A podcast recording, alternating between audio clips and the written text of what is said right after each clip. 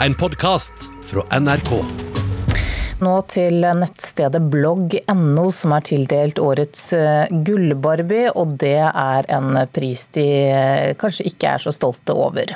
Press, Redd Barna Ungdom gir Gullbarbien til blogg.no, fordi de mener nettstedet ikke har strenge nok regler mot reklame for plastiske inngrep og skjønnhetsprodukter, og at det skaper kroppspress mot barn og unge. Dette er eh, rart, det mener blogger Asbjørn Sandøy alias Kokkejævel. Han eh, sier at mange av de mest populære bloggene handler om noe helt annet enn skjønnhetsoperasjoner. Jeg har hatt mange mange hundre tusen flere lesere enn hos Sofie Elise, og uten å skrive om plastisk kirurgi. Men de som står bak Gullbarbien, peker på at barn og unge har stemt inn nettstedet, nettopp fordi de skriver om plastisk kirurgi. Så de er Jeg er ikke overrasket over at blogg.no vinner. Fordi dette her er at barn og unge sier ifra at dette markedet har gått for langt. Sier Mina Vinje i Redd Barnas ungdomsorganisasjon Press. På vegne av den uheldige vinneren blogg.no sier Martine Lunde Brenne. Nå modererer jo vi uh, allerede forumene våre og blogg uh, veldig strengt. Mye strengere enn norsk lov, men vi kan absolutt bli bedre. Og vi får bruke dette som et insentiv til å jobbe med det. Men det bør heller ikke bli for strengt. Vi må klare å ha to tanker i hodet samtidig, mener kokkejævel Asbjørn Sandøy. Hvis jeg syns at jeg er tjukk, f.eks., så må jeg jo få lov til å fortelle verden det. For kroppspress er ikke bare negativt. Vi må ikke glemme det at eh, fedme er et av den, den store folkesykdommen i eh, Norge og i resten av verden. Hos nettstedet Blogg vil de skjerpe seg. Det er klart at vi kan også være proaktive når det kommer til dette med eh, å promotere plastisk kirurgi og den type ting i retningslinjene våre, og være enda strengere på at det ikke skal, skal være lov hos oss. Og etterlyser mer detaljer om hva som er problemet fra Press sin side. Eh, nå hører det også til historien at jeg har bedt Press da vi ble nominert om å få helt konkrete eksempler på innlegg som de mener ikke burde vært der, da, og det har jeg ikke fått noe svar på. I Press lover de å komme med eksemplene på overtramp som de mener blogg må stoppe. Men det er kanskje ikke nok. For bloggerne kan jo bare flytte og fortsette et annet sted. Vi også ser jo at disse tingene som promoteres på blogger, også promoteres på Instagram. Og Det er jo derfor jeg mener at her må politikere også på banen. Det her burde ikke vært lov. Her må det endres eh, slik at lovverket gjør at dette ikke er lov. Hvis det her er et så stort problem i ungdomsmiljøene at de ønsker å utføre plastisk kirurgi på seg sjøl, så føler jeg vel kanskje det at politikerne må på banen. Og så må vi i pressen skjerpe oss, mener Asbjørn Sandøy, kokkejævel. Jeg har jo hatt flere lesere enn hun som er mest omtalt, som har skrevet om plastisk kirurgi. Eh, men det fokuserer jo media overhodet ikke på. Så jeg syns kanskje media også burde eh, gå litt i seg sjøl. Det er jo dem som skaper det her blesten. Reporter her, det var Elisabeth Grøndal. Doktorgradsstipendiat ved Norges idrettshøgskole, Kristine Sundgodt Bargen, god morgen. God morgen. Hva tenker du om at blogg.no vinner årets Gullbarbie? Jeg tenker at uh, Dette er en pris man ikke ønsker, så det er et klart tegn til blogg.no at de er nødt til å ta en evaluering på hva de kan gjøre bedre for å sørge for at de er en tryggere plattform for ungdom. Uh, det er et spark i rumpa. Men er du trygg på når de sier som vi hørte her i reportasjen, at de har lyst til å, å, å se gjennom sine ting og, og forbedre seg, uh, er du trygg på at de kommer til å gjøre det? Det må man jo egentlig bare sørge for at man undersøker i etterkant. Om ting faktisk har endret seg, med tanke på hva de lar florere på, på sine sider. Mm. Mm. Du har jo eh, forsket på dette med kroppsbilde og kroppsopplevelse, og, og med fordyping spesielt i, i, ungdom. Ehm, kan du si noe om hvor, hvordan ehm, disse bloggene påvirker ungdoms eh, kroppsbilde? Ja, eh, Vi vet jo at eh, disse bloggerne er store forbilder for veldig mange ungdom. Og for mange så blir de en slags fasit på hvordan man skal være, ikke skal være, hvilke, eh, hva som får verdi i hverdagen. Og Forskning viser at ungdom som følger innhold som er veldig utseendefokusert, hvor kroppen står i fokus og det er kroppens utseende som får fokus, så er det knyttet til redusert psykisk helse. Eh, så det er ganske alvorlig det at eh, bloggere fremmer eh, kroppens utseende såpass som, som altfor mange gjør. Mm. Men, men, hvor stort problem er det da? Gjelder det bare en liten gruppe spesifikke ungdom, eller er det alle? Ja, man ser at det er rundt 70% av norsk ungdom som rapporterer at de opplever kroppspress. Eh, og så vet vi at det er eh, uheldig for ungdommen, fordi at de da i større grad opplever at det er et behov for å etterstrebe en viss kropp. Og det er der utfordringene begynner. Så det er en utfordring blant ungdom generelt. Men nå er det jo sånn at blogg.no, som vi har snakket om i dag, og som får denne gullbarbien, de er jo én liten plattform blant mange plattformer som, som ungdommen forholder seg til. Mm. Eh, hvilket ansvar har de for det totale bildet? Jeg tenker at de, de, har en stor innflytelsesfaktor, og da er de nødt til å ta, eh, ta, et ansvar hvis de ønsker å være en trygg plattform for ungdom. Eh, og faktisk vurdere hva de lar ungdom bli eksponert for. For det kan de i større grad regulere, mener jeg. Og de kan endre på eh, retningslinjer i forhold til hvem som får lov til å være bloggere på deres plattform, og hva disse bloggerne faktisk får lov til å legge ut for å kunne fremdeles være en del av blogg.no. Men Hvilket ansvar har bloggerne selv, da? Er ikke, de er vel ikke helt fritatt, det gjelder? Nei, De har jo ytringsfrihet, men jeg tenker at hvis de ønsker å bidra positivt, så er de nødt til å faktisk eh, ta en evaluering på hva det er de egentlig ønsker å fremme via sin blogg, og se er det innholdet samsvarer det med det jeg ønsker at mine følgere skal oppleve i etterkant av å ha scrollet ned min blogg. Eh, slik at de er nødt til å ta inn over seg den enorme innflytelsen de har på, på barn og unge som velger å følge dem. Hvis blogg.no har, har, hørt på deg nå og sier at vi vil at du skal være litt mer konkret, kan du komme mm. i et lunsjmøte og, og være det? Hva vil du si da? Da vil jeg f.eks. si at de eh, bør ha strengere regler med tanke på hvem de lar eh, bli bloggere på blogg.no.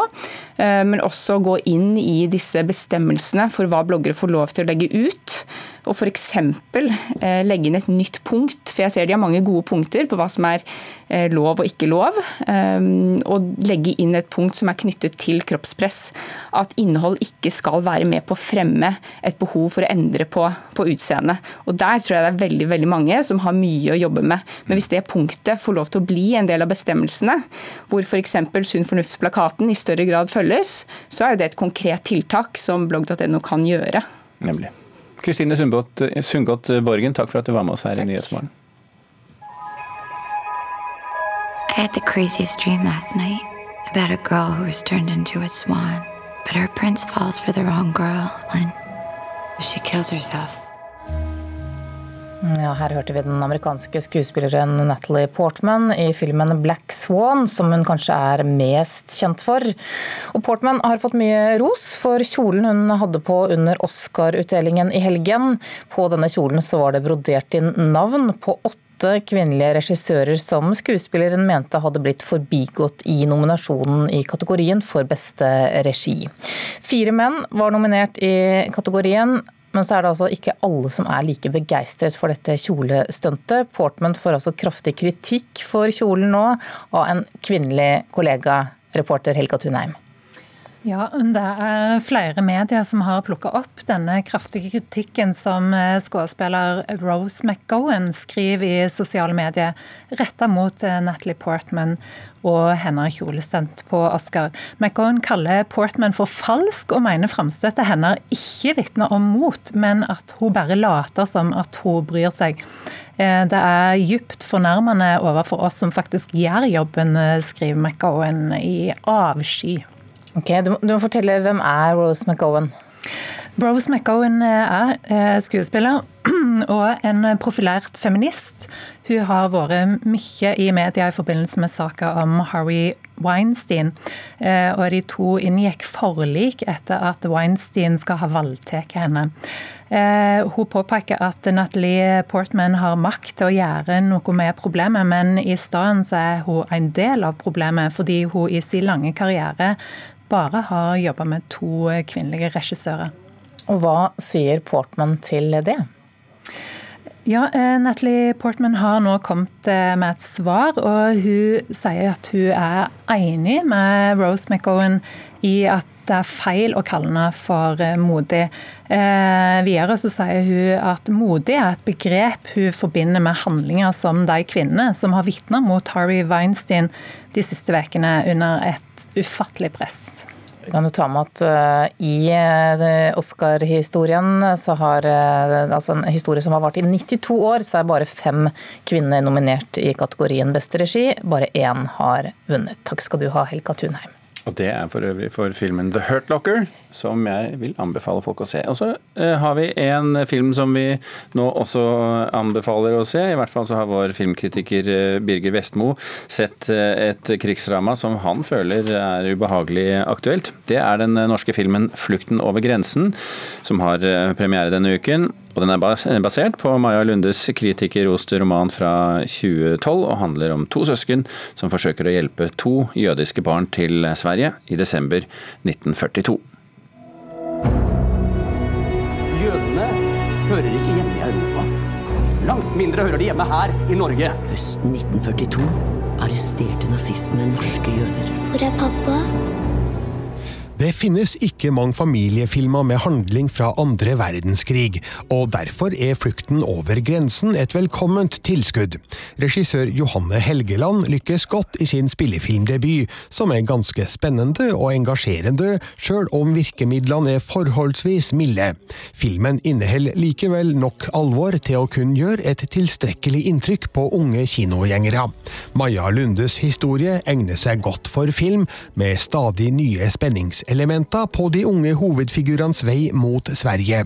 Flukten over grensen har òg en underliggende tematikk om giftig rasisme og autoritær undertrykkelse, som føles ubehagelig aktuelt. Hvem er dere? Det er barna de leter etter. Men hvorfor vil de ta dere? Fordi de er jøder. Det er desember 1942, og Gerda, spilt av Anna Sofie Skarholt, og broren Otto, spilt av Bo Lindqvist Ellingsen, oppdager at foreldrene skjuler de jødiske søsknene Daniel, spilt av Samson Steine, og Sara, spilt av Bianca Gilardi Helsten, i kjelleren.